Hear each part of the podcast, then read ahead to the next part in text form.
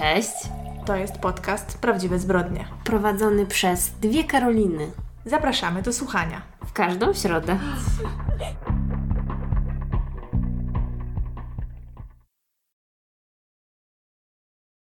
Witajcie kochani we wrześniu. Back to school. Jestem ciekawa, jaki procent z naszych słuchaczy wraca na studia lub do liceum. Nie wiem, dajcie znać. No właśnie. No to co tam u Ciebie? Co ostatnio robiłaś? No, muszę przyznać, że trochę oglądałam różnych seriali i programów, więc ym, możemy o tym porozmawiać. Na początku chciałabym się odnieść do tego, co ostatnio mówiłam na temat serialu Warszawianka, bo akurat kiedy nagrywałyśmy tamten poprzedni odcinek, to chyba nie wiem, dzień później czy coś oglądałam ostatni odcinek Warszawianki i troszkę mi było tak głupio, że tak strasznie ten serial zjechałam, bo ostatni odcinek mi się podobał. Czyli serial jest nierówny. Tak, w sensie ten ostatni odcinek w ogóle był tak fajnie zrobiony w e, porównaniu do całej reszty, dlatego że był taki troszkę między snem a jawą, powiedzmy. Mam nadzieję, że to nie jest spoiler. Nie, chyba nie. Jakby było coś takiego tam jak karma, więc w sumie można było odczuć e, satysfakcję troszeczkę. Więc tu chciałam się trochę poprawić. Że jeżeli ktoś jest w stanie przebrnąć przez te 10 odcinków, no to 11 może to wynagrodzić. Tylko to chciałam powiedzieć. No właśnie, powiem Ci, że to chyba ta platforma, jak ona się nazywa jeszcze raz? Sky Showtime. No właśnie, to tam jest ten e, serial Yellowstone. Chyba tak. Już tyle osób mi to polecało, że chyba będę musiała się skusić na, ten, e, na tą platformę, przynajmniej na jej wypróbowanie. Ja coś chyba mi mignęło, ale nie, w ogóle nie miałam ochoty tego włączać. A co to takie fajne? To się dzieje na ranczu, ale wiem, że ten serial ma też spin-offy, to znaczy jest serial, który się nazywa 1883 i 1923, także ja, ja nie bardzo rozumiem o co tam chodzi. Jeżeli wiecie i polecacie, to dajcie znać, ale już kilka razy dostałam pytanie, czy widziałam ten serial, bo taki fajny, więc no nie wiem. Dajcie znać, czy powinnam faktycznie, jeżeli oglądaliście. Nie mówiłyśmy też o serialu, który już pewnie wszyscy widzieli, czyli The Bear na Disneyu. Ostatnio jak rozmawiałyśmy, to mówiłaś, że jeszcze nie skończyłaś, a jak jest teraz? Nadal. No coś ty. Naprawdę, po tym chyba, zresztą mówiłam Ci to ostatnio, że po tym, co mi powiedziałaś, że średnio Ci się podobał ten pierwszy odcinek, włączyłam, oczywiście powiedziałeś, że potem się rozkręca i rozmawiałyśmy potem, ale ja włączyłam pierwszy odcinek i wyłączyłam go później i od tamtej pory go nie skończyłam, ale wierzę, że skończę. Po prostu jakoś tak, no nie wiem, nie wiem. W ogóle ostatnio powiem Ci, że bardzo mało oglądam seriali nowych, praktycznie żadnych. Ten Painkiller też zaczęłam, nie skończyłam. W ogóle nie mogę się skupić ostatnio przed telewizorem. Teraz pogoda robi się bardziej jesienna, więc wierzę, że wrócę.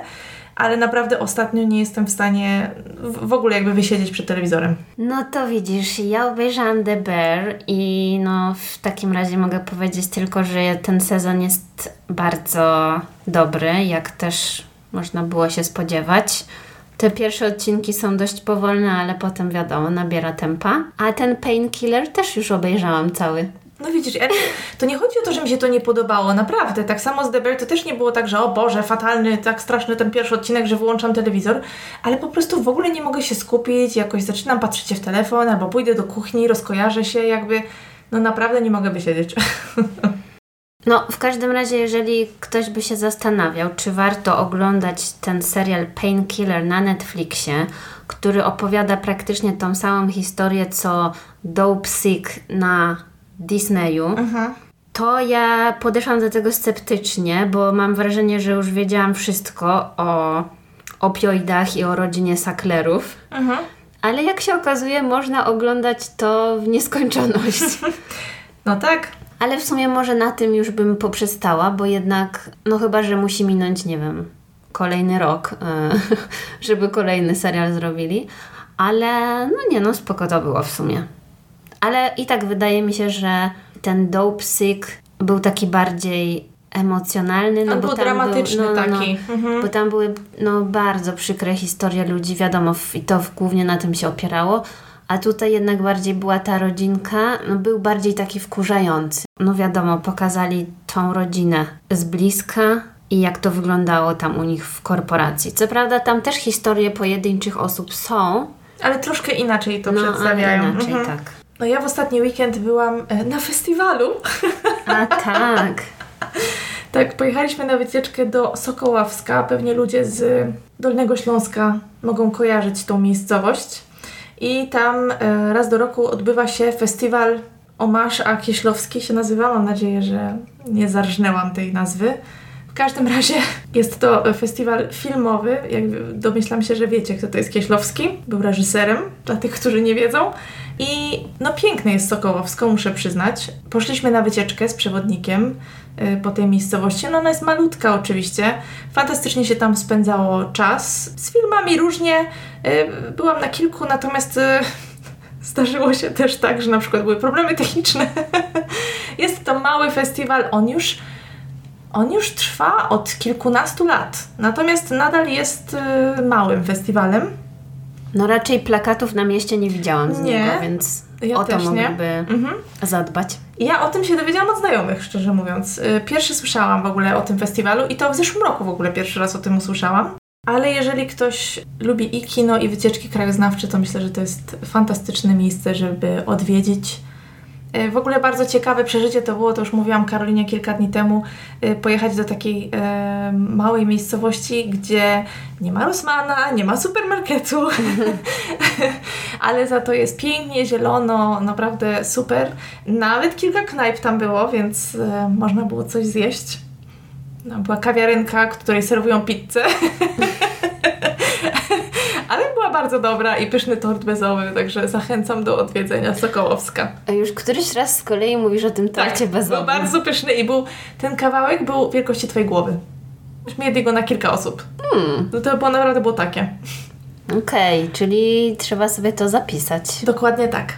Bardzo nas bawiło to, że e, tam ludzie ewidentnie mają zasady, bo mimo to, że był festiwal i pewnie jeden z ruchliwszych weekendów w tym miasteczku, to knajpa, e, ta kawiarenka, która serwowała jedzenie, była otwarta bodajże do 19 albo do 19.30 i ani minut dłużej.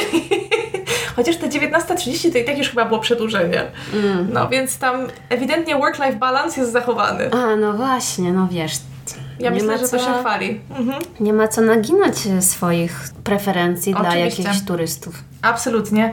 No piękne budyneczki, tam cały czas walczą o to. Y, Poszliśmy właśnie na wycieczkę, em, którą organizowała, jak rozumiem, fundacja, która zajmuje się odbudową też tego uzdrowiska, które tam jest. No, bardzo ładnie, co mogę więcej powiedzieć. No zachęciłaś mnie, żeby tam pojechać. Tak. A jeżeli również kogoś zachęciłyśmy, to słyszałam, że tam też jest niebawem festiwal jazzowy. Mhm. Nie wiem właśnie, czy to w weekend po tym, jak będzie ten odcinek, w każdym razie możecie sobie obczaić. Ale przyznam, że jedno mnie rozśmieszyło, bo tam oczywiście były takie słupy z em, różnymi plakatami, czy to na jakimś budynku, bo już nie pamiętam, na jakim słupie w każdym razie zauważyliśmy plakat, gdzie była reklama y, biatlonu, czy co, czegoś takiego i było, mm, hasło tego to było biegaj, strzelaj, baw się. Wow. Także było e, bardzo zabawnie. Jeżeli chodzi o sam festiwal i filmy, e, to jeden film, który faktycznie tak mi zapadł w pamięć i to był film dokumentalny, krótkometrażowy, trwał bodajże 40 minut, chcę powiedzieć. To jest film, który nazywa się Kiosk e, i to jest dokument, a ja wiedziałam, że to jest dokument, bo wcześniej to wyczytałam, ale osoby, z którymi byłam na seansie, mówiły mi potem, że podczas rozmowy z reżyserem, ten reżyser się nazywa Daniel Stopa, byli zaskoczeni, kiedy usłyszeli, że to był dokument. Bo faktycznie on był tak montowany jak fabuła i on tak też o tym mówił.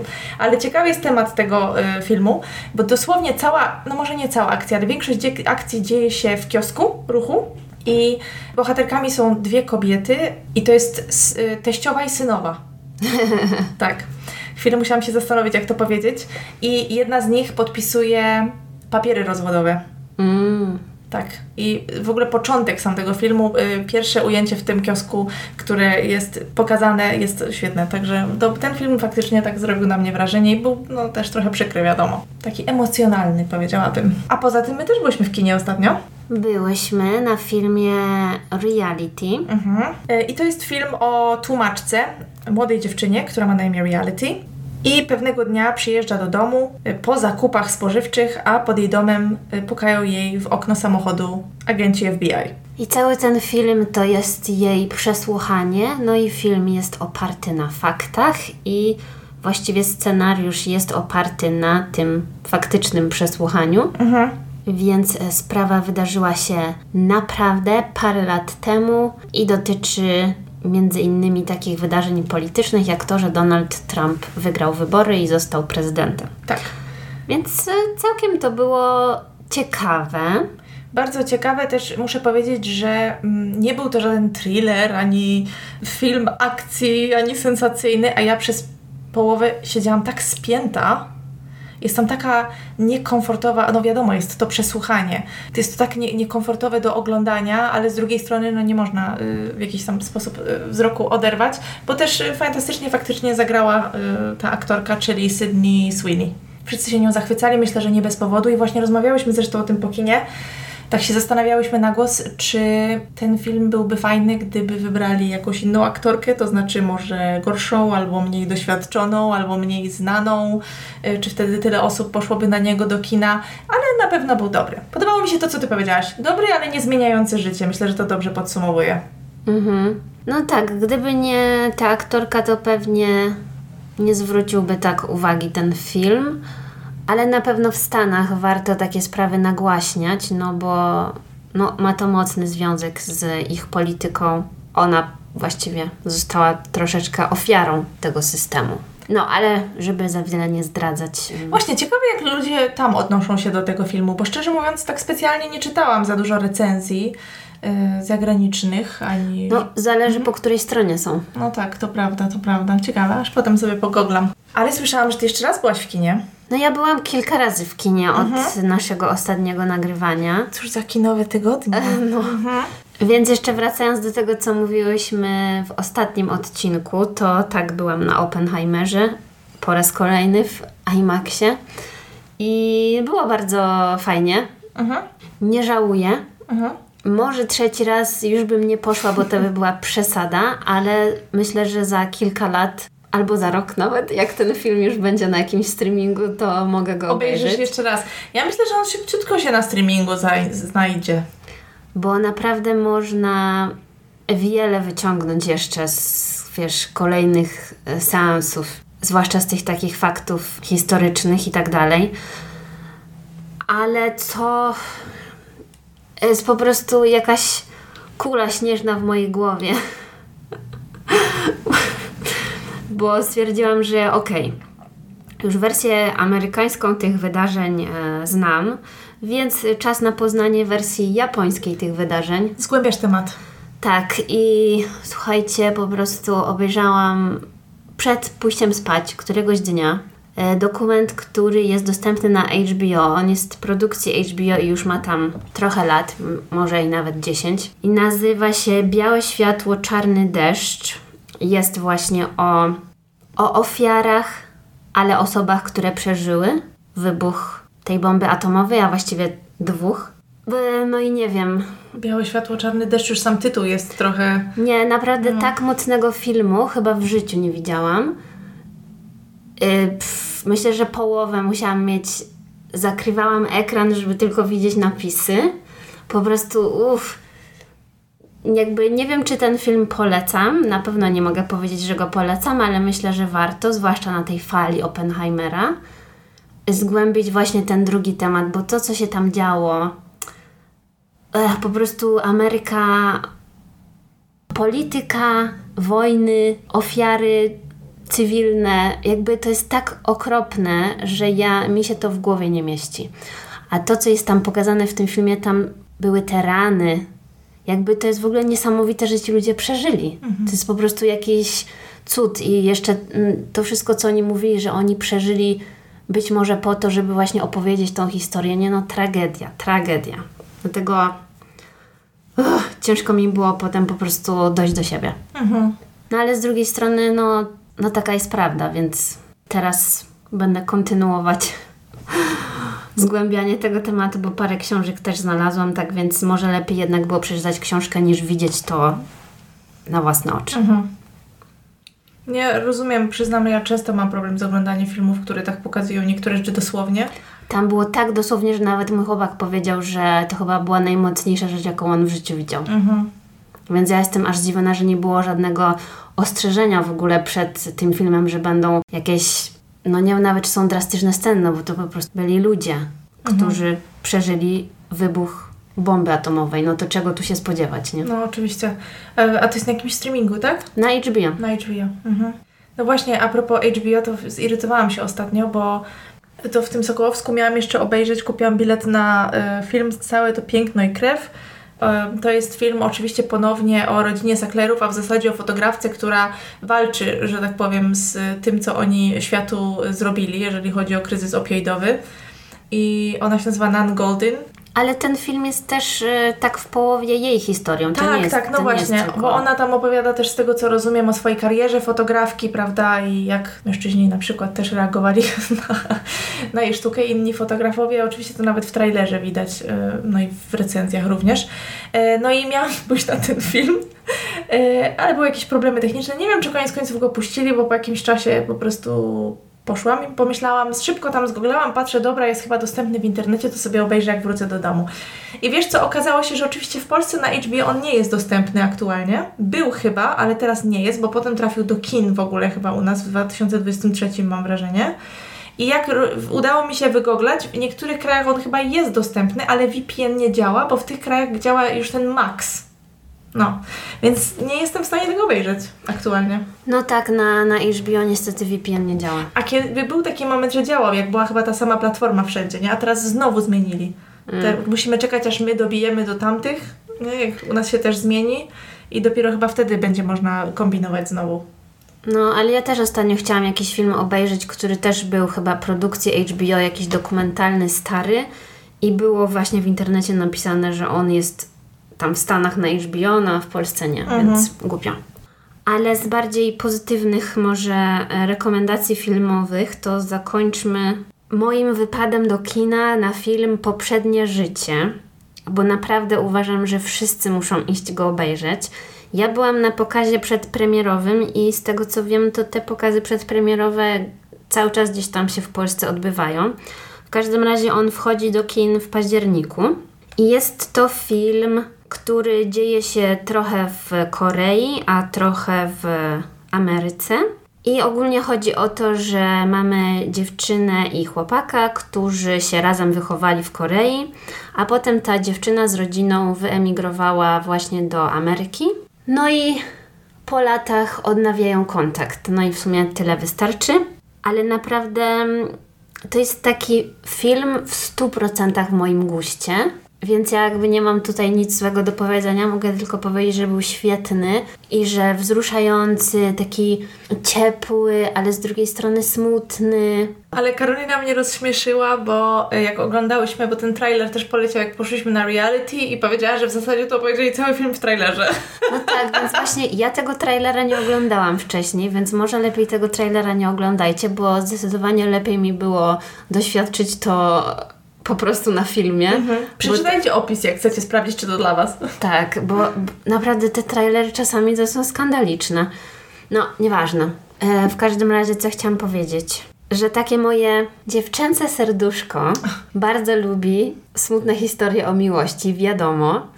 I jak byłam młodsza, nie wiem, tak z 10 lat temu, może odkryłam taki film Like Crazy. Wiesz, który to jest film? Nie wiem, jakby mi się go teraz oglądało, ale pamiętam, że kiedyś to był mój taki emo film. I tamten film też mnie tak zawsze tak poruszał, że jak miałam ochotę na przykład, nie wiem, sobie popłakać do poduszki, to sobie go oglądałam. No i tamten film e, Like Crazy jest też właśnie o takiej problematycznej miłości właśnie młodszych, wtedy pewnie moich rówieśników. A teraz ten jest taki bardziej w stylu dorosłych ludzi. Więc z jakiegoś powodu, jak teraz mówiłaś o tym, co oglądałaś 10 lat temu, to przypomniało mi się, nie wiem dlaczego, pamiętasz um, Szkoła Uwodzenia? Cruel Intentions? Ale to jeszcze 20 lat To temu. 100 no. lat temu! Ale z jakiegoś powodu, teraz jak mówisz o tym, to nagle mi się przypomniał ten film, naprawdę. Mm.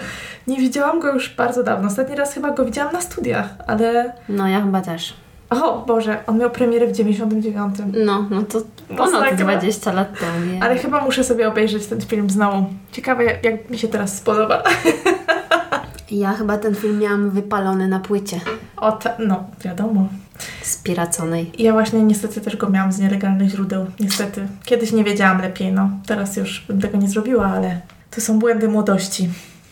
A na koniec jeszcze mamy informacje książkowe, bo mogliście zauważyć, że w sierpniu klubu książki nie było, ale we wrześniu zapraszamy do wspólnego czytania książki w miarę nowej z wydawnictwa Czarnego pod tytułem Potwór z Florencji.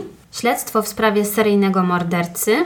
Jest to reportaż, ale napisany w taki bardzo e, przyjazny sposób. E, bardzo ciekawa sprawa, więc może Was zainteresować. Tylko przypominamy, że klub książki robimy w naszym drugim podcaście. Tak, Karoliny kontra życie. Oczywiście link w opisie.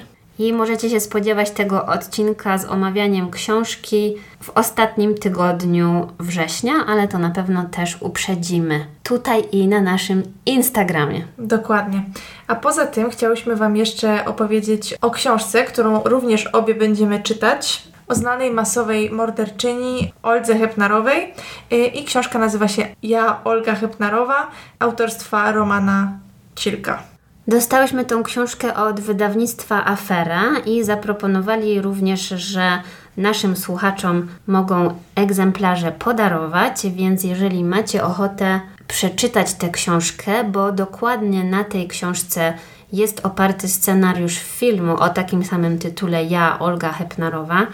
Jeżeli macie ochotę tę książkę przeczytać, to napiszcie nam o tym w komentarzu na Instagramie pod postem do tego odcinka.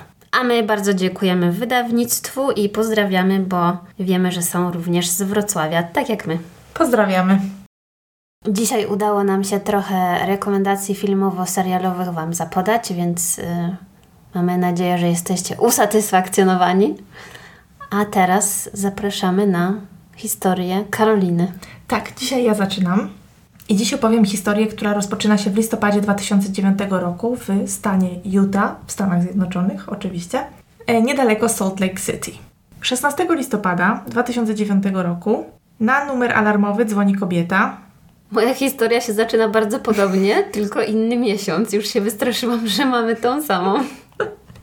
nie, nie. Kobieta nazywa się Pam, e, Pam Mortensen i mówi dyspozytorce, że dzwoni z domu swojego teścia, który nazywa się Kai Mortensen i byli przetrzymywani w tym domu przez mężczyzn z bronią. Hmm. Kobieta trochę się gubi y, w tym, co mówi. Za chwilę przychodzi mężczyzna, jej mąż, który ma na imię Roger i mówi, że znalazł swojego ojca nieżyjącego w łazience w jego domu. Gdy na miejsce przyjeżdża policja, okazuje się, że Roger i jego żona Pam przyszli do domu ojca Rogera po to, żeby dać mu ciasto. To było ciasto, które on bardzo lubił. Pam miała dostać y, taki placek z pekanami y, u siebie w pracy, a że wiedzieli, że Kai bardzo lubi to ciasto, no to postanowili je przynieść. Kai w tamtym momencie był już na emeryturze, był emerytowanym wykładowcą y, Uniwersytetu Birmingham Young University przez y, prawie 40 lat. Jego żona Darla była w tym czasie u swojej córki, bodajże w Salt Lake City, opiekować się wnuczką, jak rozumiem, e, dlatego nie było jej w domu. Gdy para zapukała do drzwi, otworzył im nieznajomy, poza tym zanim w ogóle zapukali do drzwi, zauważyli, że pod domem stoi nieznany im samochód. Drzwi otworzył młody mężczyzna yy, i Pam zapytała tego mężczyzny, czy jest Kai, yy, że oni chcą tylko ciasto zostawić, a ten facet mówi, że tak, tak, proszę, jest na górze. No i oni weszli do środka, drzwi się za nimi zamknęły, a mężczyzna, który im drzwi otworzył, wyciągnął broń i zaczął do nich celować. A to nie było dziwne, że ktoś obcy otwiera im drzwi? Właśnie nie wiem do końca, szczerze mówiąc. Ona z takim spokojem to wszystko opowiadała. No, w każdym razie zaraz z góry zszedł drugi mężczyzna.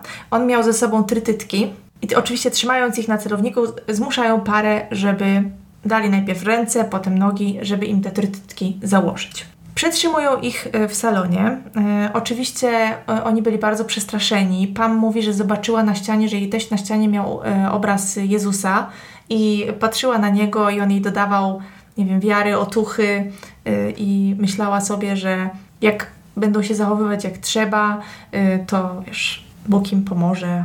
I w pewnym momencie zaczęli się modlić. Roger zaczął modlić się na głos I gdy napastnicy wrócili do dużego pokoju, gdzie oni klęczeli, to Pam próbowała go uciszyć. E, natomiast jeden z napastników powiedział, że mogą kontynuować modlitwę i ponoć nawet, e, wiesz, złożyli ręce, zwiesili głowy e, i czekali, aż modlitwa tak dobiegnie końca. Okej, okay, dziwne. Gdy Pam i Roger zostali, można powiedzieć, związani przez napastników, oni im powiedzieli, że no niestety znaleźli się w złym miejscu, o złej porze i widzieli ich twarze, dlatego będą musieli ich zabić. Stąd oczywiście też y, przerażenie w, u Pam i u Rogera i jak rozumiem te modlitwy. No ale coś chyba się odmieniło po tej modlitwie, ponieważ napastnicy powiedzieli im, że puszczą ich wolno, natomiast zabrali prawo jazdy Rogera, powiedzieli mu, że wiedzą gdzie mieszka i że muszą skłamać policji, żeby nie byli w, oczywiście w stanie ich odnaleźć. Mm, to chyba nigdy się nie udaje. No właśnie, y, napastnicy mieli powiedzieć, że mają powiedzieć policji, że w domu było trzech mężczyzn, to byli czarni mężczyźni i mieli na sobie kominiarki, a w rzeczywistości to byli biali, młodzi mężczyźni bez kominiarek i było ich dwóch. Gdy napastnicy wyszli z domu, para trochę odczekała, żeby upewnić się, czy na pewno poszli, no i e, oczywiście oni czas byli związani jakim, y, jakimś cudem udało się Pam wyswobodzić ręce z jednej z tych trytytek. Wtedy wygrzebała gdzieś w kieszeni męża nóż. Nie wiem, kto nosi przy sobie nóż, ale może wszyscy powinniśmy zacząć. Y, I y, udało jej się najpierw przeciąć trytytkę na jego rękach i on potem oczywiście przeciął już je na ich nogach.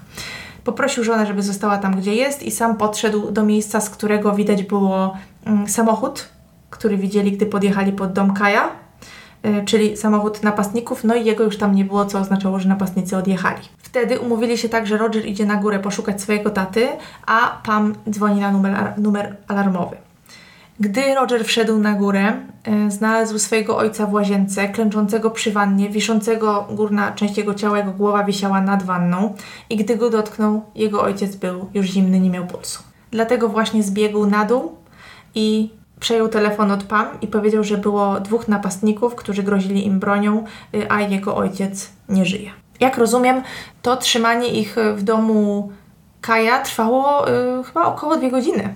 Hmm. Także trochę czasu minęło. Gdy policja przyjeżdża na miejsce, stwierdzają brak jakichkolwiek śladów włamania czy wtargnięcia siłą. Znajdują ciało y, Kaja w łazience, ma związane dłonie, y, tak jak mówiłam, klęczy przy wannie i ktoś podciął mu gardło. Mm. Także bardzo brutalne morderstwo. Jak rozumiem, podcięto mu gardło kilkukrotnie, a co więcej, na szyi z tyłu miał jeszcze ranę kłutą, to znaczy ktoś go nożem dźgnął. Nóż został pozostawiony na miejscu zbrodni w tej łazience. I wyobraź sobie, że w tym czasie, kiedy to wszystko się działo, to żona Kaja właśnie wracała do domu od swojej córki i nawet do tego domu na początku nie mogła dojechać, bo Mm, była zastawiona droga przez policję. Ona y, na początku myślała, że prawdopodobnie to jej mąż Kaj kogoś zastrzelił. Hmm. Chodziło o to, że Kai był osobą, która była przygotowana na wszelką ewentualność, był wielkim entuzjastą broni, e, miał zbudowany bunkier, e, szykował się na, e, wiesz, apokalipsę, wojnę jakąś nuklearną, nie wiem, ataki zombie, nie wiem co jeszcze. No przesadzam z tymi atakami zombie, ale generalnie był kimś, był takim survivalistą, tak? Pre preppers chyba, nie? Może preppersem, tak. Miał w domu bardzo dużo broni, miał tą, miał bunkier właśnie zbudowany w razie wypadku. Przygotowany oczywiście z jedzeniem, z książkami, jak to jego żona mówiła. To było coś, co jakby ludzie z jego otoczenia, jego rodzina doskonale wiedzieli i on właśnie zawsze mówił, że jakby ktoś wtargnął do niego do domu, to by go zastrzelił. Hmm. Warto wspomnieć, że Kai to był e, już e, no, starszy pan, tak jak mówiłam, był na emeryturze. On się urodził w 1939. Jego syn w tamtym momencie, Roger, już miał ponad 40 lat. Kai poznał swoją żonę dość niedawno. Oni byli małżeństwem, jak rozumiem, od niecałych dwóch lat więc odnaleźli miłość, chcieli razem spędzić swoją emeryturę, podróżować. Kai zresztą był bardzo bogatym mężczyzną, e, mimo to, że e, żył bardzo oszczędnie, to znaczy e, bardzo dużo pieniędzy inwestował przez lata w złoto, ponieważ oczywiście jak to osoba, która szykuje się na wszelkie ewentualności, mówił, że dolar może być wkrótce nic nie warty, więc inwestował w złoto, miał jakieś tam wiesz, ziemię, dom, oczywiście też pięknie odkładał na emeryturę przez całe życie No i mieli taki plan ze swoją żoną, żeby teraz już tylko i wyłącznie cieszyć się życiem, a właśnie to złoto, gotówkę i tak dalej, mm, to wszystko było w jakimś takim specjalnym funduszu, które jego dzieci miały odziedziczyć po jego śmierci. Tak jak mówiłam, była to zbrodnia bardzo brutalna, taka, no ktoś musiał podejść bardzo blisko i użyć noża, kiedy policja usłyszała od Rogera i Pam, że napastnicy mieli broń. To dlaczego po prostu go nie zastrzelili, prawda? To było dosyć dziwne. Yy, dlatego zaczęli się zastanawiać, czy to może nie miało takiego osobistego charakteru. Może znał sprawcę, skoro nie było też śladów włamania czy wtargnięcia. Żona Kaja, kiedy już dostała się do domu na prośbę policji, oczywiście sprawdziła dom, sprawdziła, czy coś zostało skradzione. Y, policja też obejrzała teren dookoła domu, y, zajrzeli też do bunkra, no i wyszło na to, że z bunkra zniknęło kilka sztuk broni. Kaj ponoć miał tego około 100. To jest jakieś szaleństwo dla mnie w ogóle, Co? że on miał i w bunkrze, i w domu po prostu tyle sztuk broni i to część z tej broni była bardzo Y, to wiesz, to były jakieś karabiny, takie mniejsze pistolety i część z tej broni to była też broń y, dużo warta pieniędzy po prostu. To faktycznie inwestował w złoto i w... I w pistolet. I w broń. nie wiem, ja się na broni kompletnie nie znam, ale no tak, takie coś powtarzali. No i teraz skąd włamywacze wiedzieli, że tam będzie broń? Też ciężko stwierdzić, prawda? Policja próbuje od Rogera i Pam y, uzyskać jakiś opis sprawców, natomiast oni nie są w stanie podać absolutnie żadnych szczegółów. Mówią, że to była y, dwójka młodych mężczyzn, y, młodych, którzy wyglądali schludnie w zasadzie i tyle. Nic więcej nie byli w stanie na ich temat powiedzieć. Potem Pam chyba już na przesłuchaniu na policji powiedziała coś w stylu, bo jest taki fragment nagrania w jednym z programów, który widziałam na ten temat, że ona powiedziała coś o ich włosach, że y, ich włosy wyglądały y, na nieprawdziwe, jakby na namalowane. I y, powiedziała, że miały kolor czarny. Ale to już było później. Nie wiem szczerze mówiąc, co to miało znaczyć. Może, że były takie piękne. Mhm. Podczas rozmowy z Rogerem detektywi dowiadują się, że część broni, którą miał Kai, pochodziła od mężczyzny, który nazywał się Michael Kipp.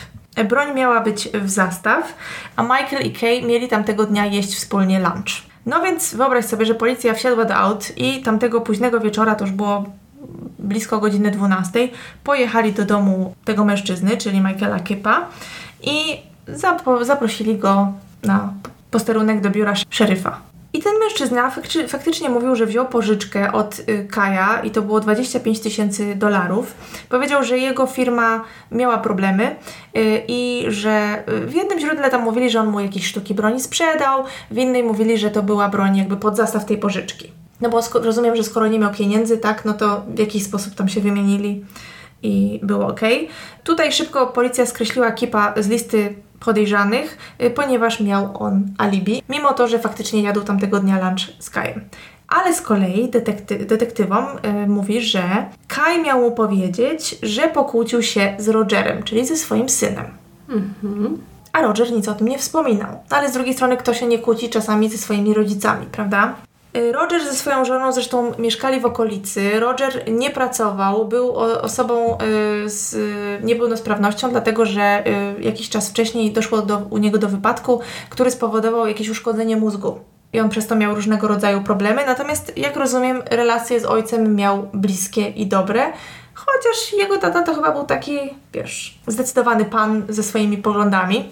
No, myślę, że po wyposażeniu jego domu można się spodziewać. Strach mu się sprzeciwić. No właśnie. Nie, ale generalnie chyba relacje tam były w miarę okej. Okay. Całe to miejsce zbrodni wyglądało dla detektywów trochę dziwnie. Wiele też było nieścisłości w zeznaniach Pam i Rogera, ale w międzyczasie zaczęły się też pojawiać osoby, które miały pomysły na to, kto mógł tej zbrodni dokonać. Na przykład zgłosiła się osoba, która mówiła, że to pewnie sprawka mężczyzn, którzy nazywali się Baker, to byli y, trzej bracia, którzy byli znani w okolicy z tego, że po prostu sprawiali kłopoty, nazwijmy to w ten sposób. Ale ci mężczyźni mieli alibi, więc to nie mogli być oni. Co ciekawe, stwierdzono, bo oczywiście żona Kaja podała policji listę y, broni, którą miał mężczyzna, i faktycznie potem stwierdzili, że jakichś tam kilku sztuk brakuje, ale, ale też stwierdzono, że w zasadzie y, para miała w domu y, droższą broń, więc ciekawym było, że wzięli te tańsze. Oczywiście w międzyczasie przesłuchują też Rogera i Pam, tak jak mówiłam, no i podczas tych zeznań zauważają nieścisłości w tym, co mówią. Po pierwsze, to co wydawało się detektywom bardzo dziwne, to sposób w jaki para zachowywała się i mówiła bezpośrednio po, po tym, jak byli przetrzymywani przez napastników i Roger odnalazł swojego ojca nieżyjącego w łazience, zamordowanego w taki sposób. To znaczy, Pam dzwoniąc na numer alarmowy brzmiała bardzo spokojnie. Mhm. Oczywiście tam myliła się troszeczkę, ym, bo ona powiedziała, że trzech napastników, on powiedział, że dwóch, no ale my już wiemy dlaczego, tak? Bo ona na początku y, no, bała się i według niej po prostu nie wiedziała, czy powinna powiedzieć prawdę, czy powinna trzymać się tego, co mówili jej napastnicy. A jej mąż twierdzi, że on już z góry jej krzyknął, jak znalazł swojego ojca, że ma mówić prawdę i wtedy zbiegi sam powiedział przez telefon do dyspozytorki, że y, dwóch mężczyzn i tak dalej. No ale ten spokój był faktycznie dosyć dziwny. Poza tym, tak jak mówiłam, ich zeznania trochę się różniły. Na przykład y, pojawiła się mowa o rękawiczkach, bo oczywiście w domu, w łazience, gdzie doszło do morderstwa, nie było żadnych odcisków palców nikogo poza y, na przykład Rogerem czy jego ojcem Kajem. I y, para mówiła, że sprawcy mieli na sobie rękawiczki, tylko że Pam zeznała, że to były fioletowe rękawiczki takie medyczne, a Roger zeznał, że to były niebieskie takie puchate czy włochate rękawiczki. No więc to jest dosyć duża różnica, jak się nad tym zastanowisz, prawda? Tak jak wcześniej wspomniałam, oni nie byli w stanie podać żadnych szczegółów dotyczących wyglądów spra- y, wyglądu sprawcy, poza tymi dziwnymi namalowanymi włosami. Widziałam fragmenty nagrań, gdzie Pam nawet nie jest w stanie stwierdzić, jakiego wzrostu oni byli. Wysocy, niscy, nic. Natomiast, no, jeżeli ktoś grozi ci bronią, to nie wiem, ile ja bym szczegółów zapamiętała, tak szczerze mówiąc. Poza tym bardzo dziwnie odpowiadali na pytania, to znaczy Pam zapytana, czy jej mąż byłby w stanie kogoś zabić, opowiadała jakoś tak, odpowiadała tak na okrągło, mówiąc, że no, mam nadzieję, że nie byłby, jakieś takie naprawdę bardzo dziwnie by to wszystko brzmiało. Poza tym, w jednym ze źródeł usłyszałam, że mieli zeznać, że widzieli, jak napastnicy zacierają ślady, co detektywi stwierdzili, że było po prostu fizycznie niemożliwe z miejsca, w którym byli związani. A faktycznie znaleziono zatarte ślady przy bunkrze, bo śnieg wtedy leżał i było widać, że ktoś tak po prostu wycierał ślady, co też było dosyć dziwne.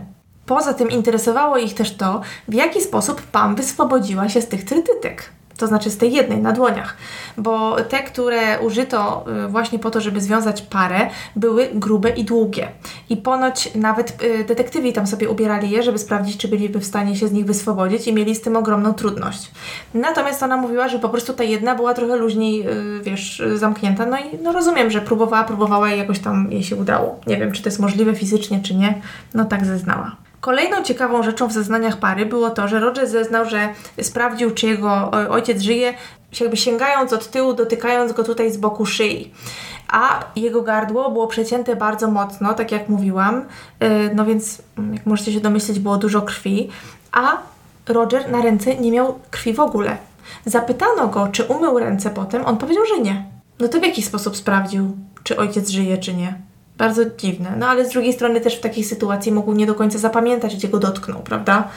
Poza tym w jednym ze źródeł mówili też, że Roger miał zeznać, że widział krew na przedzie koszuli ojca, no ale ten ojciec leżał, jakby tak wisiał nad wanną, no to on musiałby go ruszyć, odsunąć, żeby to zobaczyć. No, ale tutaj bym powiedziała, że równie dobrze mógł się domyślić, no jeżeli było pełno krwi. No tak, albo gdzieś tam jakoś obrócić, zajrzeć, no cokolwiek. Pewnie widać było, że koszula jest we krwi. Mhm.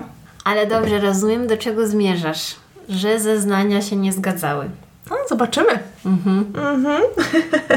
No i tutaj y, nie muszę już chyba ukrywać, że Roger i Pam stali się podejrzanymi numer jeden w tej sprawie. Oczywiście na początku ich rodzina myślała sobie, no nie, no to po prostu niemożliwe. Natomiast faktycznie powoli zaczynali mieć swoje wątpliwości. Roger też miał zachowywać się bardzo dziwnie, to znaczy bodajże dzień po tym, jak zamordowano jego ojca, on miał, mm, wiesz, zacząć już mówić o po prostu rozliczaniu majątku. Miał też do policjantów powiedzieć w stylu, coś w stylu to teraz wszystko jest moje. No jakieś takie naprawdę dziwne teksty. I nawet żona Kaja mówiła, że mówiła y, do Rogera, że spokojnie, przecież przyjdzie na to wszystko czas, nie musimy się tak śpieszyć i tak dalej, ale do niego jakby to nie docierało. Gdy doszło do pogrzebu y, Kaja, no to faktycznie napięta była bardzo atmosfera, ponieważ wszyscy chcieli wiedzieć, co się wtedy wydarzyło. Natomiast Pam i Roger y, no nie mogli nic mówić, chociażby dlatego, że detektywi im po prostu zakazali mówić o tej sprawie. Jeszcze jedna rzecz się wydarzyła w międzyczasie, to znaczy Pam i Roger pojechali z detektywami i z kamerą na miejsce zbrodni i opowiadali im wszystko krok po kroku. No i tutaj też faktycznie było kilka nieścisłości, to znaczy tam się mieszali. Ja nie pamiętam, czy Pam zapukała, czy zadzwoniła dzwonkiem, ale powiem Ci szczerze, że jak ja y, słuchałam, jak tam im wyliczali te wszystkie nieścisłości w ich zeznaniach, ja nie, ja nie pamiętam większości takich szczegółów. Wiesz o co mi chodzi, więc... No jak ktoś chce, to się zawsze przyczepi. Tak, no. Poza tym też Roger i Pam zostali poddani y, testowi poligrafem. Na Pam tego testu w ogóle nie można było wykonać, bo ona chyba była jakaś taka zbyt poddenerwowana. A Roger ten test przeszedł źle, to znaczy wyszło, że on jest jakiś taki zwodniczy, podstępne są jakieś takie te jego odpowiedzi i tak dalej. No i potem oczywiście oni się o tym dowiedzieli. W międzyczasie, podczas y, kilku różnych przesłuchań, oczywiście policja przesłuchiwała ich osobno, wiadomo, nie wspólnie, podkręcali tam im temperaturę na tych przesłuchaniach. I wyobraź sobie, że w pewnym momencie y, pojawiła się też osoba, kobieta, która y, powiedziała policji, że uważa, że to możliwe, że to jej mąż dokonał tej zbrodni, ponieważ y, wyszedł z domu, szukał jakiejś broni, zabrał ze sobą nóż w ogóle i że to może on. Potem okazało się, że to nie ten mąż, ale gdy policja szukała tego męża, znaleźli go razem z grupą osób w Salt Lake City i tam ci ludzie byli pod wpływem metamfetaminy. I wśród osób tam była kobieta, która bodajże miała na imię Kami, i ta kobieta powiedziała, że widziała zbrodnię we śnie. I z jakiegoś powodu detektywi z nią rozmawiali. To znaczy, ona im opisała ten sen, mówiła, że nie była w pokoju, w którym doszło do tej zbrodni, ale jakby stała zaraz przed tym pokojem, że tam było kilka osób, że była wśród tych osób też kobieta, która tam krzyczała czy płakała. I e, policjant pokazał jej różne zdjęcia, i ona wskazała na zdjęcie Rogera jako jedną z osób, która miała brać w tym udział. Ciekawe. Tak. Może to jakaś wróżka? No, może. Nawet zabrano tą kobietę na miejsce zbrodni. Mm. Szczerze mówiąc, bardzo dziwna sprawa. I detektyw, który to zrobił, bronił się, że ta kobieta znała, jakby podała dużo różnych szczegółów dziwnych. No, no może. Może była medium. No właśnie i jak rozumiem, Pam i Roger dowiedzieli się, że ten test y, poligrafem poszedł im źle, no i oczywiście postanawiają zatrudnić obronę i nie chcą już odpowiadać na pytania policji, co też w pewnym sensie dziwi ich rodzinę, no bo dlaczego nie chcą współpracować? Prokuratura uważa, że Pam prawdopodobnie y, kryje męża i że to jakby on dokonał tej zbrodni, y, a Pam go kryje, no ale w tamtym stanie jest tak, że, jak rozumiem oczywiście, że no oni oboje są tak samo winni. Pod koniec lipca 2010 roku y, prokuratura postanawia przedstawić tą sprawę temu, co oni nazywają grand jury, czyli takiej wielkiej ławie przysięgłych, która decyduje o tym, czy kogoś oskarżyć, czy nie. Przedstawiają im sprawę, wszystkie dowody, które zebrali i to jest, jak rozumiem, jakieś takie tajne trochę, to znaczy zjawia się tam y, na przykład y, część rodziny, żeby też zeznawać. No i to ta ława stwierdza, że okej, okay, oskarżmy Pam i Rogera. Oni zostają aresztowani, a przy okazji detektywi przeszukują ich dom. No i faktycznie znajdują w domu pary broń, to znaczy w ich szafie jest taka jakby skrytka, w której trzymają broń i bodajże amunicję. I to była broń z domu Kaja, natomiast to nie była broń skradziona wtedy. To znaczy, to chyba była broń, którą Roger wziął sobie już po fakcie, wiesz, jako część majątku pewnie, czy coś, yy, gdzieś wspominali, że chciał ją sprzedać. Pewnym momencie Pam dostaje nawet ofertę współpracy od prokuratury, że jeżeli oczywiście pomoże im, to ona będzie mogła odejść wolno, natomiast ona nie chciała tego zrobić i przez wszystkie miesiące, w których para była w areszcie, oni cały czas twierdzili, że są niewinni. No i tak, y, po, chcę powiedzieć, około pięciu miesiącach ich pobytu w areszcie, Osoby pracujące nad tą sprawą otrzymują informację, że jest kobieta, która uważa, że tą zbrodnię popełnił jej były mąż i jego kolega. Kobieta zwlekała, e, gdzieś tam starała się odpychać od siebie e, myśli i wiedzę na temat tego, co miało zajść w domu Kaja w listopadzie 2009 roku. Natomiast oczywiście w tamtym czasie e, cały czas pojawiały się informacje na temat Rogera i Pam w mediach, no i tej kobiecie po prostu było ich szkoda. Domyślała się, że mogą pójść do więzienia na resztę życia.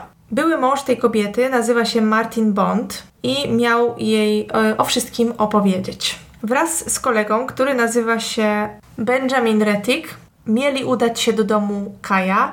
A skąd Martin znał Kaja? A stąd, że ojciec Martina z Kajem się kolegował. Hmm. I dlatego Kaj oczywiście wpuścił ich do domu i nie podejrzewał ich o nic złego, jak się domyślam. Aha, czyli to pasuje na sprawców. To znaczy, e, Martin i Benjamin zapukali do domu Kaja. On oczywiście ich tam wpuścił. Potem zagrozili Kajowi, e, żeby dał im się oczywiście związać e, trytytkami. Następnie zaprowadzili go do łazienki, gdzie podcięli mu gardło nad wanną. No i ponoć później usłyszeli dzwonek do drzwi i był to Roger i jego żona Pam. Kobieta powiedziała, że Martin miał jej nawet opowiedzieć, gdzie ukrył broń. To miało być w jakimś parku, a w zasadzie część broni, ponieważ według tej kobiety część broni miała być nadal u niego w domu. Detektywi udają się z nakazem do domu Martina i faktycznie znajdują tam broń, która została skradziona z domu Kaja. To znaczy na jednym z pistoletów numery się zgadzają. W jednym ze źródeł wyczytałam też, że na jakiejś broni numery były zdrapane. Poza tym odnajdują też drugiego, czyli tego Bena yy, i wyobraź sobie, że mężczyzna nadal miał w posiadaniu prawo jazdy Rogera. Aha, Także mistrz zacierania śladów. Okej, czyli wszystko już jasne. Tak, na początku mężczyźni opowiadają e, oczywiście wszystko jak trzeba, przyznają się do wszystkiego, opowiadają historię i zgadzają się w wielu kwestiach. Oczywiście nie zgadzają się w kwestii, kto zamordował Kaja, jak możesz sobie wyobrazić. Oskarżają się o to wzajemnie. Jak pamiętam, bo są takie fragmenty z zeznań e, ich na policji, pamiętam, że bodajże Martin powiedział, że nie jest pewien, ile razy podcięto gardło Kajowi, y, ponieważ odwrócił wzrok. No ale że oczywiście jest winny, bo pozwolił mu na to, prawda? Ale z drugiej strony obaj byli pierwsi, y, żeby brać na siebie to, że puścili parę żywą. Że ich nie zabili, tylko pozwolili im odejść. No. I to już chyba z tego co pamiętam, obaj twierdzili, że to była ich zasługa, że to ich pomysł był, żeby wypuścić parę. Martin miał nawet zaprowadzić policję w miejsce, gdzie zakopał e, resztę broni. Natomiast potem coś chyba zmienił taktykę, bo u niego doszło do procesu e, i został skazany na dożywocie, a z kolei Benjamin się dogadał i dostał 25 lat do dożywocia. E, Jak rozumiem, Martin w przeszłości był w wojsku, a nawet jego marzeniem miało być bycie saperem, więc ewidentnie miał takie ciągoty i tutaj detektywi podejrzewali, że to on mógł być pomysłodawcą całego tego pomysłu. I że to wcale mogło nie chodzić o pieniądze, a bardziej o no po prostu o samozabicie. O to, że to była taka, wiesz, ekscytująca sytuacja. Ale nie wiem, czy to już nie jest trochę, wiesz, za daleko. Ponoć Pam i Roger próbowali nawet założyć sprawę w sądzie osobom, które pracowały nad tą sprawą, ale no, tutaj wiadomo, nie, nie można oskarżyć ławy przysięgłych, prawda, za to, że postanowili zgodzić się na akt oskarżenia dla Pam i Rogera. Więc tutaj to, to na nic się nie zdało. W jednym z programów Pam na koniec powiedziała, że taką radę miała w zasadzie dla oglądających, że jeżeli cokolwiek się kiedykolwiek stanie, najpierw proszę sobie załatwić prawnika i nic nie mówić. No właśnie. Bo niestety taka była dla nich nauczka, to znaczy ja rozumiem, że prowadzono śledztwo, pracowali z tym, co mieli, ale faktycznie jak się patrzy na to z perspektywy czasu, to wygląda troszkę tak, jakby sprawa była... Mm, dowody były dobierane do tego, co im się wydawało, że się mogło wydarzyć, prawda? No I ciężko się nie zgodzić. Były nieścisłości w ich zeznaniach, ale czy to wystarczy, żeby kogoś skazać, żeby kogoś oskarżyć, trzymać w areszcie miesiącami? No tak, właśnie chciałam powiedzieć, że jedyne co, to mogli ich podać o jakiś uszczerbek na zdrowiu psychicznym, czy coś takiego za ten czas Na- spędzony w areszcie. Nawet nie wiem, czy w ogóle, bo tak jak mówię, próbowali, natomiast na nic się im to nie zdało, to znaczy to zostało odrzucone przez y, sąd. Natomiast prokurator, który pracował nad tą sprawą, wypowiadał się y, o tym no, z taką refleksją, powiedzmy, a przynajmniej udawał, to znaczy mówił, że no, zrobił sobie tam rachunek sumienia, powiedzmy, i y, gdzieś tam go to wszystko uderzyło. Natomiast y, bodajże w On the Case with Paula Zahn albo w jednym tam z innych programów, które widziałam, już nie pamiętam w którym, detektyw, który nie, to też Dateline było, bo prowadzący, tam jest taki prowadzący z pięknym, niskim głosem, taki starszy pan i on generalnie ewidentnie kwestionował cały czas, że jak to jest możliwe, że ten detektyw łaził gdzieś i pokazywał zdjęcie jakiejś pani, która była na, wiesz, naćpana, bo miała, no, o co chodzi w ogóle i dlaczego on traktował poważnie, że ona mówiła, że ona widziała coś we śnie. Y, Jeżeli, no, ani nie znała tych ludzi, ani nic takiego i że oni użyli to za jakiś taki dowód poszlakowy, to się mu wydawało Hmm. dziwne. No i ten, y, ten policjant tak mówił o tym, że no, ale to był w pewnym sensie jakiś tam, y, może nie dowód, ale coś tam, tak się trochę próbował obronić, tak szczerze mówiąc. Nie wiem po co, to tak źle, to źle trochę wyszło. No, nie ma co ukrywać. O, oczywiście ten policjant tam potem mówi, najważniejsze jest to, że rodzina już wie, co się wydarzyło. Dobrze, ale co to spowodowało w tej rodzinie? Przecież ci ludzie już się nigdy nie będą kochać i szanować w taki sam sposób, nie? Jedna z znajomych rodziny, przyjaciółka rodziny, która oczywiście wierzyła Rogerowi i Pam, y, miała poprosić siostrę Roger, Rogera, że skoro ich ojciec zostawił tyle pieniędzy, to czy ona mogłaby pomóc Rogerowi zatrudnić obronę? On miał w końcu chyba obrońcę z urzędu, który zresztą też mówił, że bardzo się stresował tą sprawą, bo wierzył Rogerowi, ale bał się po prostu, czy, czy będzie w ogóle w stanie to wygrać. I y, ta siostra miała powiedzieć, że nie. Aha. I oczywiście ta przyjaciółka rodziny przedstawiła sytuację inaczej, a potem siostra miała powiedzieć, że to ich prawnicy z kolei im doradzili, że mają nie wykorzystywać pieniędzy Kaja na obronę Rogera. Nie wiem jaka jest prawda, ale faktycznie bardzo dziwna sytuacja. Żona Kaja y, mówiła, że no, kiedy na początku miała wątpliwości, potem zaczęła wierzyć, że Pam i Roger może mieli coś z tym wspólnego, no a potem jak się okazało, że znalazł się ktoś inny, no to oczywiście mówiła, że było jej bardzo przykro, smutno i tak dalej, że w ogóle do takiej sytuacji doszło. No, ale w pewnym sensie jestem w stanie sobie wyobrazić, tak, że jeżeli przedstawia Ci ktoś, ktoś z detektywem, prokuratorem sprawę w jakimś świetle, no to zaczynasz w to wierzyć w pewnym sensie, prawda? Jeszcze jak straciłaś bardzo bliską osobę, no nie wiem, trochę wszyscy tutaj są ofiarami tej całej sytuacji. Poza tym też Roger miał powiedzieć, że on uważa, że nie w ogóle nie powinno być tak, że on został poddany testowi poligrafem przez jego uszczerbek na zdrowiu. Że on ma na przykład problemy z pamięcią i tak dalej. Hmm. Nie wiem, czy to y, faktycznie ma jakieś znaczenie, mm, natomiast on coś takiego powiedział, No to prawnik powinien mu w tym pomóc. ale on, y, jak rozumiem, y, obronę, o obronę poprosił później. No Czyli właśnie, oni na no to tym błąd. etapie jeszcze współpracowali z policją, wiesz? I jeszcze pojawiła się taka kwestia, że oczywiście tutaj detektywi cały czas myśleli, że y, jeżeli chodzi o Pam i Rogera, to ich głównym motywem był motyw finansowy, jak to zwykle bywa w takiej sytuacji. Tak jak mówiłam, ojciec Rogera był bogatym mężczyzną, ale Roger zaprzeczył temu, to znaczy Policja, gdy poszli przeszukać ich dom, znaleźli faktycznie jakieś takie kwitki, niby nieopłacone, na przykład za kredyt hipoteczny. No ale Roger powiedział, że owszem, oni y, mieli jakieś tam problemy finansowe, chociaż problemy to jest chyba złe słowo, bo gdyby mieli faktycznie problemy, to jego ojciec by im pomógł, bo był, mieli taką relację, był taką osobą. I że tam miało wytłumaczenie, że na przykład za kredyt hipoteczny to zaczęli płacić przez internet i tak dalej. I twierdził, że wcale u nich nie było jakiejś super dramatycznej sytuacji.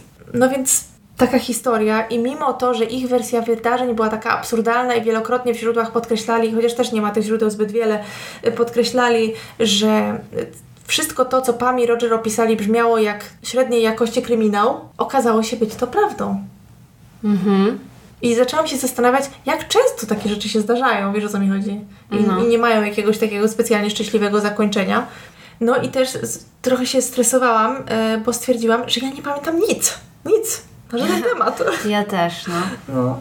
Ale jeszcze jest jeden problem, no bo jakby posłuchali swojej rady i wzięliby tego prawnika na początku, to też by wzbudzili właściwie jeszcze większe podejrzenia Tak. policji od początku. Mhm. To znaczy policja od początku patrzyła się na nich krzywo, bo te ich zeznania były dziwne, ciągle się zmieniały, ale z drugiej strony, no jak można oczekiwać od człowieka w stresie, że on będzie pamiętał pewne rzeczy, albo że na przykład coś mu się potem nie przypomni, prawda? No, nie wiem. Nie wiem, czy coś takiego w ogóle jest możliwe, czy są tacy ludzie, którzy tak są w stanie się skupić. Znaczy na pewno, no, ale no, ja raczej do nich nie należę w sytuacji takiego stresu jeszcze. Ale faktycznie powiem Ci, że dziwnie się słuchało na początku tego nagrania na numer alarmowy i na tym y, wideo, jak poszli z detektywami na miejsce zbrodni z kamerą, oni tak strasznie rzeczowo i sucho, bez emocji opowiadają. Hmm. I tu znalazłem mojego ojca. Nie żył. Mniej więcej takim tonem on mówi. I przyznam, że to tak no dziwnie wygląda. Ja się zastanawiam, mi się wydaje, że ja bym tak samo mówiła. Bo ogólnie w moim tonie głosu jest bardzo mało emocji. To prawda. A jeszcze jakbym była w takiej sytuacji, to pewnie bym, no, odcięła się, nie? Aha. Tak totalnie. No cóż, No dobrze, to teraz ja jestem ciekawa, co Ty dziś dla nas przygotowałaś. Dlatego się zastanowiłam, jak zaczęłaś, ponieważ moja sprawa zaczyna się 16 sierpnia 2009 roku i też zaczyna się od telefonu na numer alarmowy. Mhm. Wtedy Sandra Franklin e, dzwoni właśnie na ten numer i mówi, że właśnie dźgnęła swojego męża. Dyspozytor oczywiście pyta, co się stało, więc Sandra tłumaczy, że mąż ją zaatakował, a ona musiała się bronić, dlatego użyła noża kuchennego, żeby go dźgnąć. W tym samym czasie na numer alarmowy dzwoni jej mąż, Peter. Mówi, że został dźgnięty nożem przez swoją żonę i właśnie się wykrwawia. Dyspozytor pyta, czy żona zrobiła to umyślnie, a on mówi, że tak, no i telefon się urywa. E, Sandra i jej mąż Peter mieszkali na farmie w mieście Bainbridge w Ohio. Poznali się 9 lat temu, a wzięli ślub zaledwie 3 tygodnie od pierwszego spotkania. Miłość od pierwszego wejrzenia. Oboje mieli za sobą nieudane związki. Peter był tym bardziej doświadczony, ponieważ był starszy od Sandry o niecałe 20 lat. Peter był uważany w okolicy za takiego pożądanego kawalera, ponieważ był lekarzem, prowadził własną praktykę lekarską. Znany był z tego, że pomagał swoim pacjentom, właśnie mieszkał na tej dużej farmie, miał własne konie, pochodził z zamożnej rodziny, a swoją edukację odbył w Nowym Jorku. Peter w młodości służył w Korpusie Pokoju w Afryce Południowej i tam też poznał swoją pierwszą żonę, Liz Franklin, i to było na początku lat 60. Po służbie w Korpusie Pokoju Peter zgłosił się na ochotnika, żeby pomóc e, rannym dzieciom w Wietnamie. I właśnie to doświadczenie zainspirowało go do zostania lekarzem. Po powrocie do Stanów Peter i Liz zamieszkali w małym miasteczku na obrzeżach Cleveland, właśnie w stanie Ohio, gdzie Peter założył rodzinną praktykę lekarską.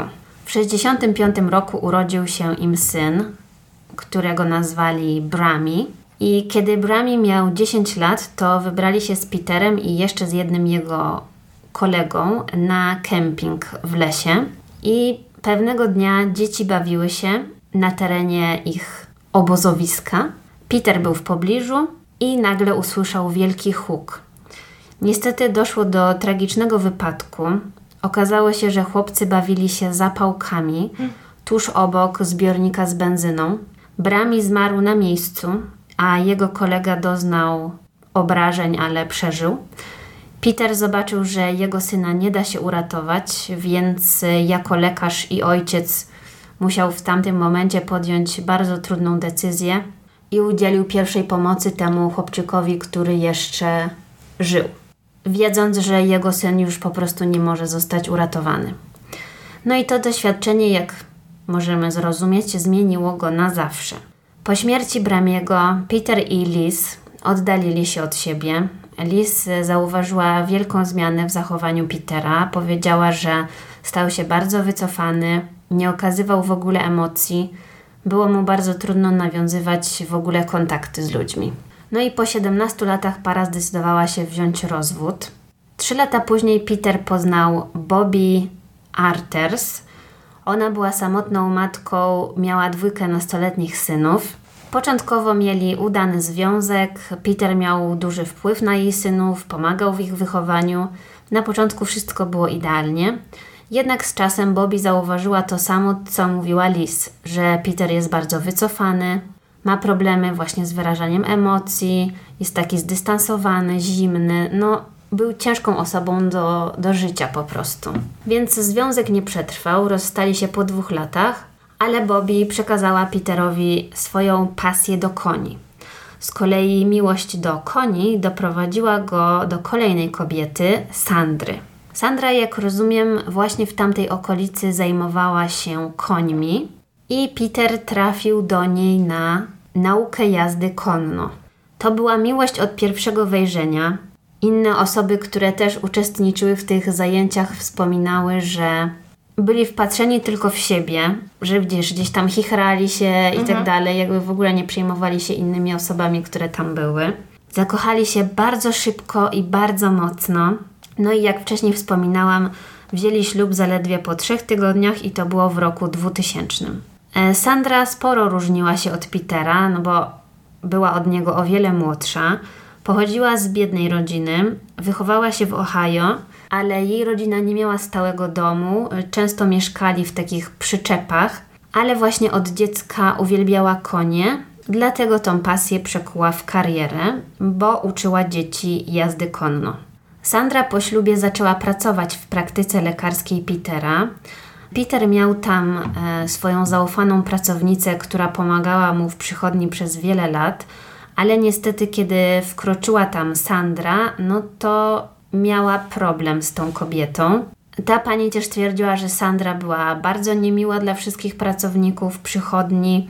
No i jak można się domyślić, e, bardzo szybko ta pani została zwolniona. No i Sandra przejęła jej obowiązki, to znaczy zajmowała się recepcją, też całym zarządzaniem tym biurem i traktowała zarobione pieniądze przez Petera jak swoją własność i też bardzo szybko je wydawała. Jednak ten ekscytujący romans między Sandrą a Peterem dość szybko się ochłodził, bo znowu Peter zaczął pokazywać swoje prawdziwe ja. Mhm E, to znaczy, że jest wycofany, że nie okazuje za bardzo emocji. E, Sandra twierdziła, że się zmienił i że był w stosunku do niej nawet agresywny. W 2003 roku Peter chciał ograniczyć e, niepotrzebne koszty i postanowił zrezygnować z ubezpieczenia, które miał na wypadek błędów w sztuce lekarskiej, bo jak rozumiem, jako lekarz prowadzący praktykę mógł po prostu mieć takie ubezpieczenie. I podobno to bardzo nie spodobało się Sandrze.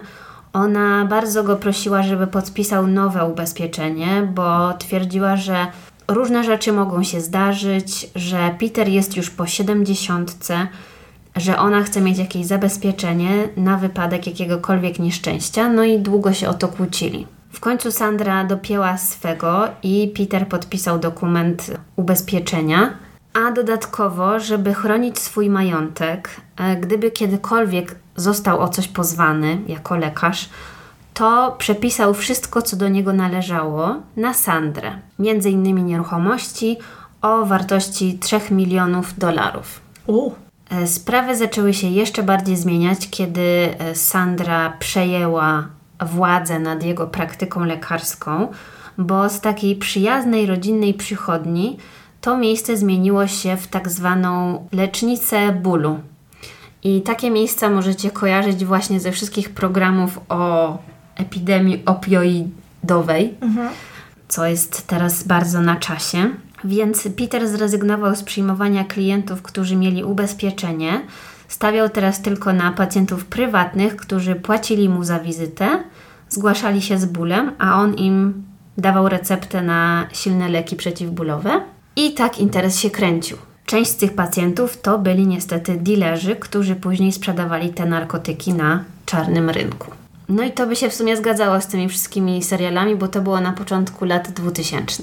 Stanowi śledczy do spraw narkotyków zauważyli niepokojący ruch właśnie w tamtej okolicy, jeżeli chodzi o tego typu leki. I na początku roku 2009 przeprowadzili nalot na jego przychodnie, bo właśnie już zbierali dowody świadczące o tym, że Peter przepisuje nadmierne ilości silnych środków przeciwbólowych swoim pacjentom. No i nie doszło wtedy do żadnego aresztowania, ale władze obserwowały Petera i to, co dzieje się w tej jego praktyce. Według Sandry to wydarzenie spowodowało, że Peter jeszcze bardziej się zmienił, stał się wobec niej agresywny, a ona zaczęła się go bać. Bo według Sandry często ją uderzał, popychał, dochodziło między nimi do takich spięć. Z drugiej strony inne osoby, które znały Petera, nie mogły w to uwierzyć. Na przykład jego była dziewczyna Bobby twierdziła, że Peter nigdy nie podniósł na nią ręki i że to po prostu nie był taki typ człowieka, że nie wyrażał emocji ani tych pozytywnych, ani negatywnych, no nie, że po prostu się nie unosił. I w lecie 2009 roku Sandra i Peter byli już bliscy rozwodu bo bardzo często się kłócili, kłócili się o pieniądze. I Peter chciał, żeby Sandra zwróciła mu cały jego majątek, który on na nią przepisał. No a Sandra oczywiście nie chciała się zgodzić. Sandra później zeznała, że groził, że ją zabije, jeżeli jego majątku mu nie odda. Sytuacja eskalowała do tego stopnia, że Sandra zadzwoniła na numer alarmowy, żeby zgłosić przemoc domową. Podczas rozmowy powiedziała, że jej mąż ją popchnął i że grozi jej, a ona boi się o swoje życie i chce mieć na to dowód. Dlatego zadzwoniła. Po tym zgłoszeniu do nich do domu wysłali kilku policjantów. Peter został przez nich wyprowadzony z domu. Peter zaprzeczył, jakoby groził Sandrze, ale ustalili, że zostanie w przyczepie, jaka do nich należała. Czyli rozumiem, że po prostu miał nie być razem z nią w domu, tylko gdzieś tam sobie spać, nie wiem, na terenie posesji. No i tak, zbliżamy się do 16 sierpnia, kiedy ich konflikt sięgnął zenitu. Z relacji Sandry e, wynika, że najpierw byli w stodole, karmili konie i Peter nie miał zbyt dobrego humoru. Wydawał się na nią zły.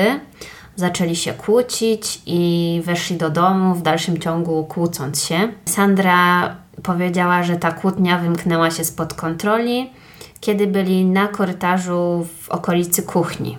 Od słowa do słowa uderzył ją w twarz.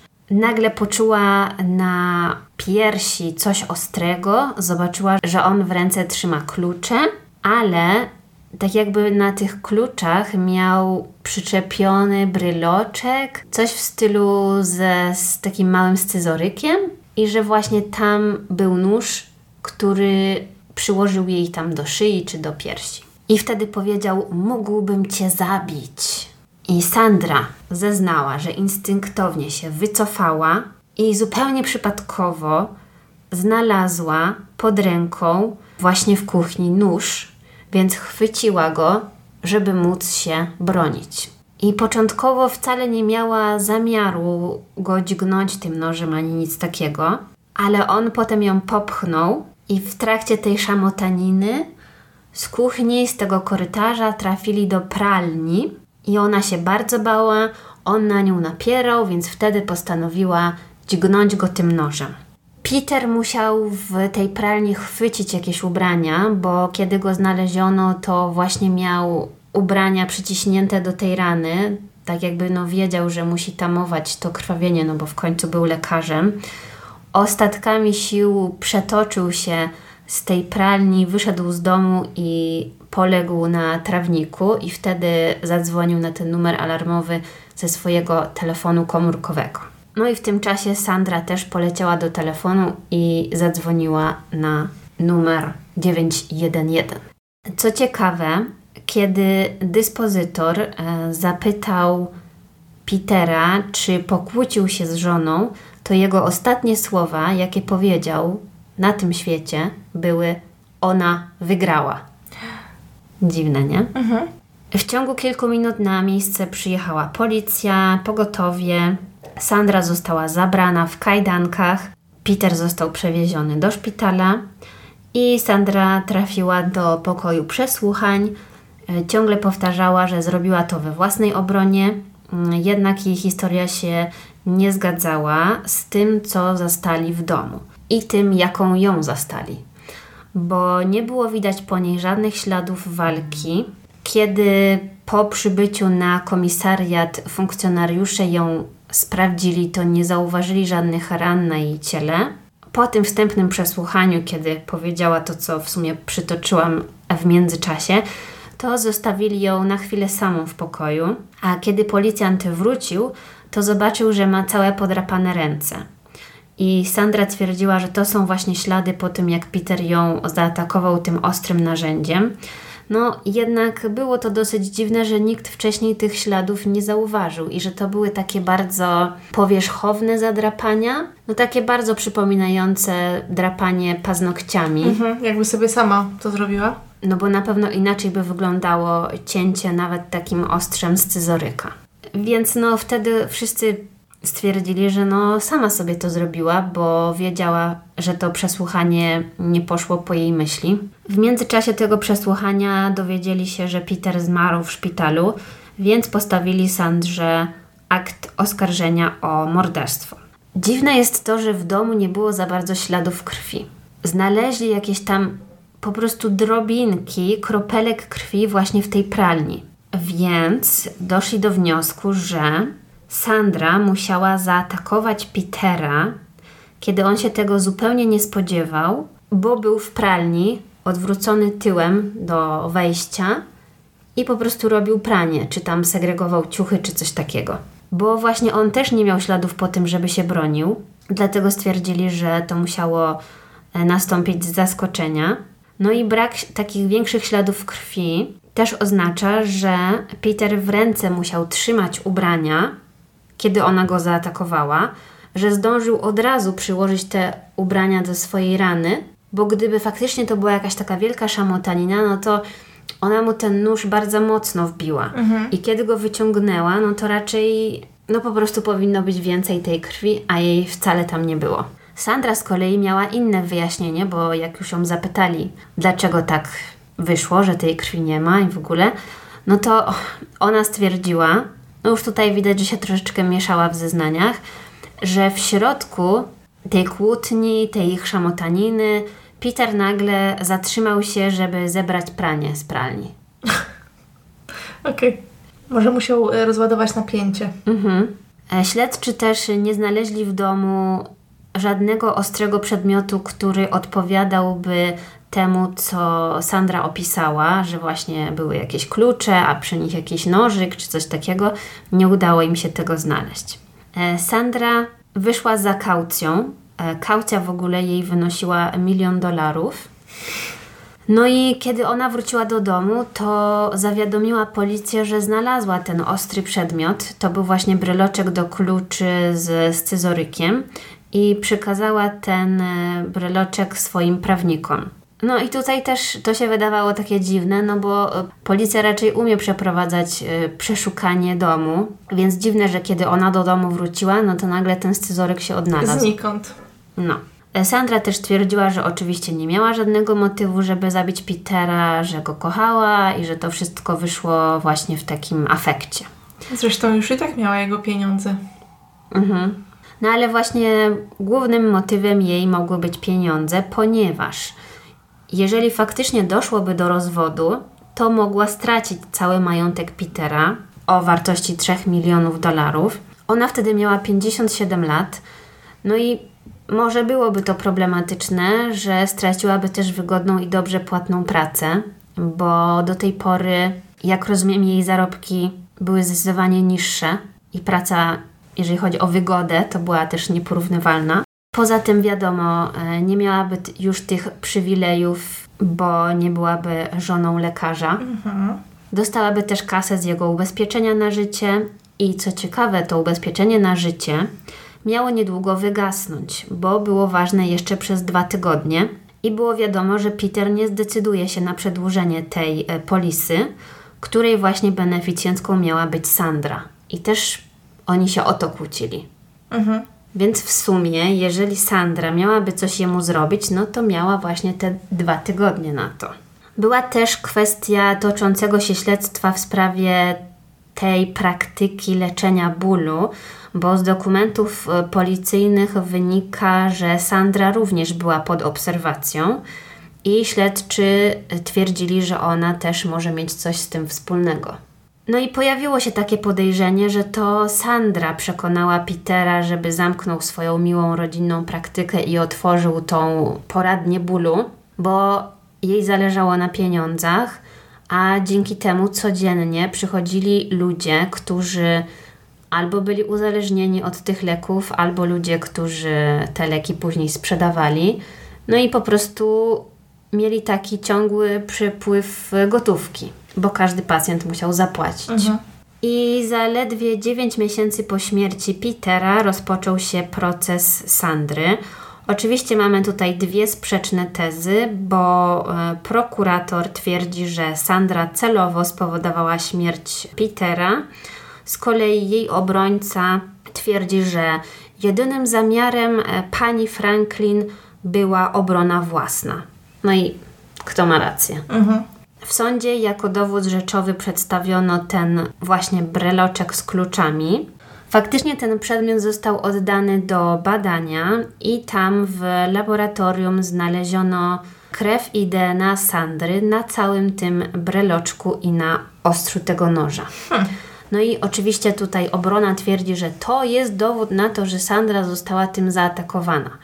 Z kolei druga strona twierdzi, że to jest dowód na to, że Sandra sfabrykowała ten dowód.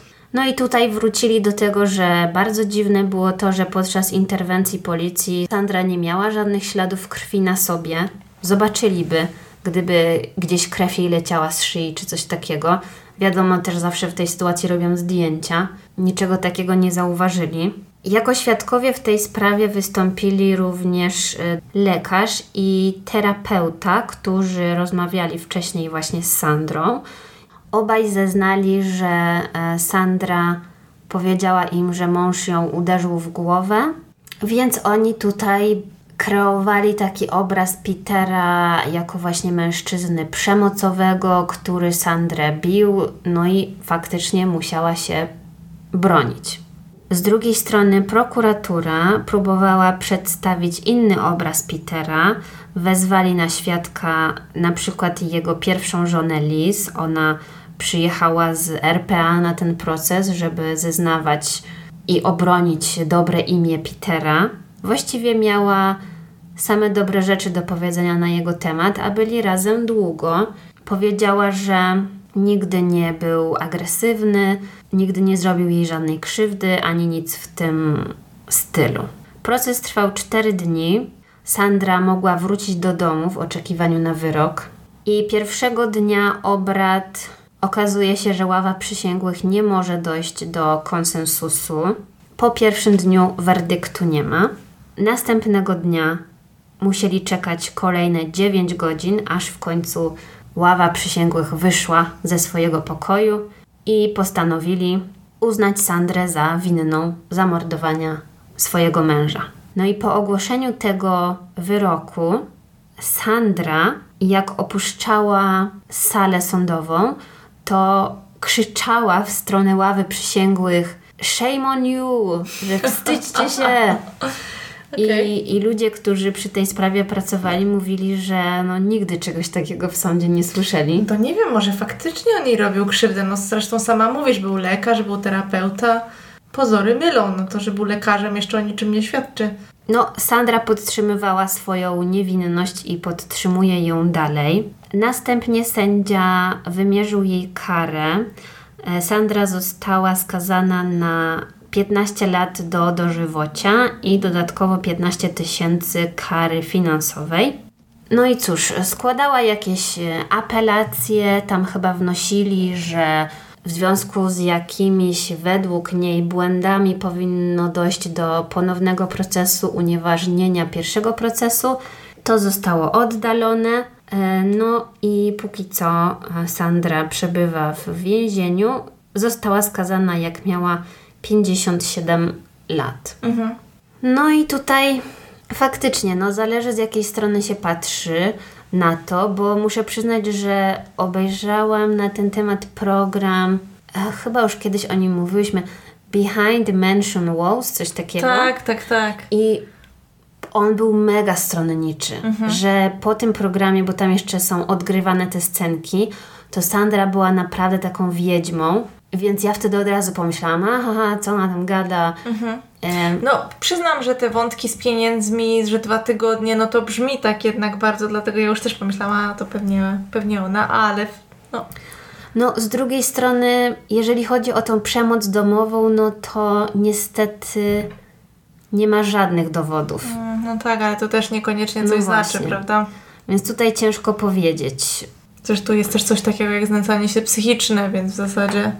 No tak, ale ława przysięgłych e, uznała ją za winną. No też Mhm. raczej dowody, te, które udało się uzyskać, wskazywały na to, że zrobiła to po prostu dla pieniędzy.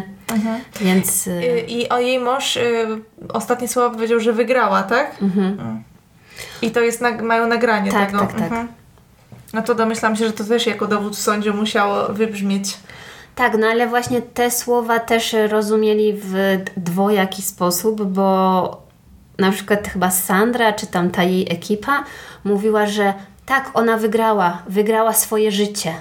Że wiesz, on jej nic Aha. nie zrobił. Okej. A, a z drugiej strony właśnie prokuratura no, domyśliła się, że to chodziło o to, że ona próbowała go zniszczyć, wykończyć, no i że tą ostatnią rozgrywkę wygrała. Wygrała. I że dostanie to, co chce. Rozumiem. Także no nie wiem. Faktycznie mi się wydaje, że w ogóle dwie te strony mogłyby przekonać do swojej racji. Mhm. Dziękujemy za uwagę. I do usłyszenia w kolejnym odcinku.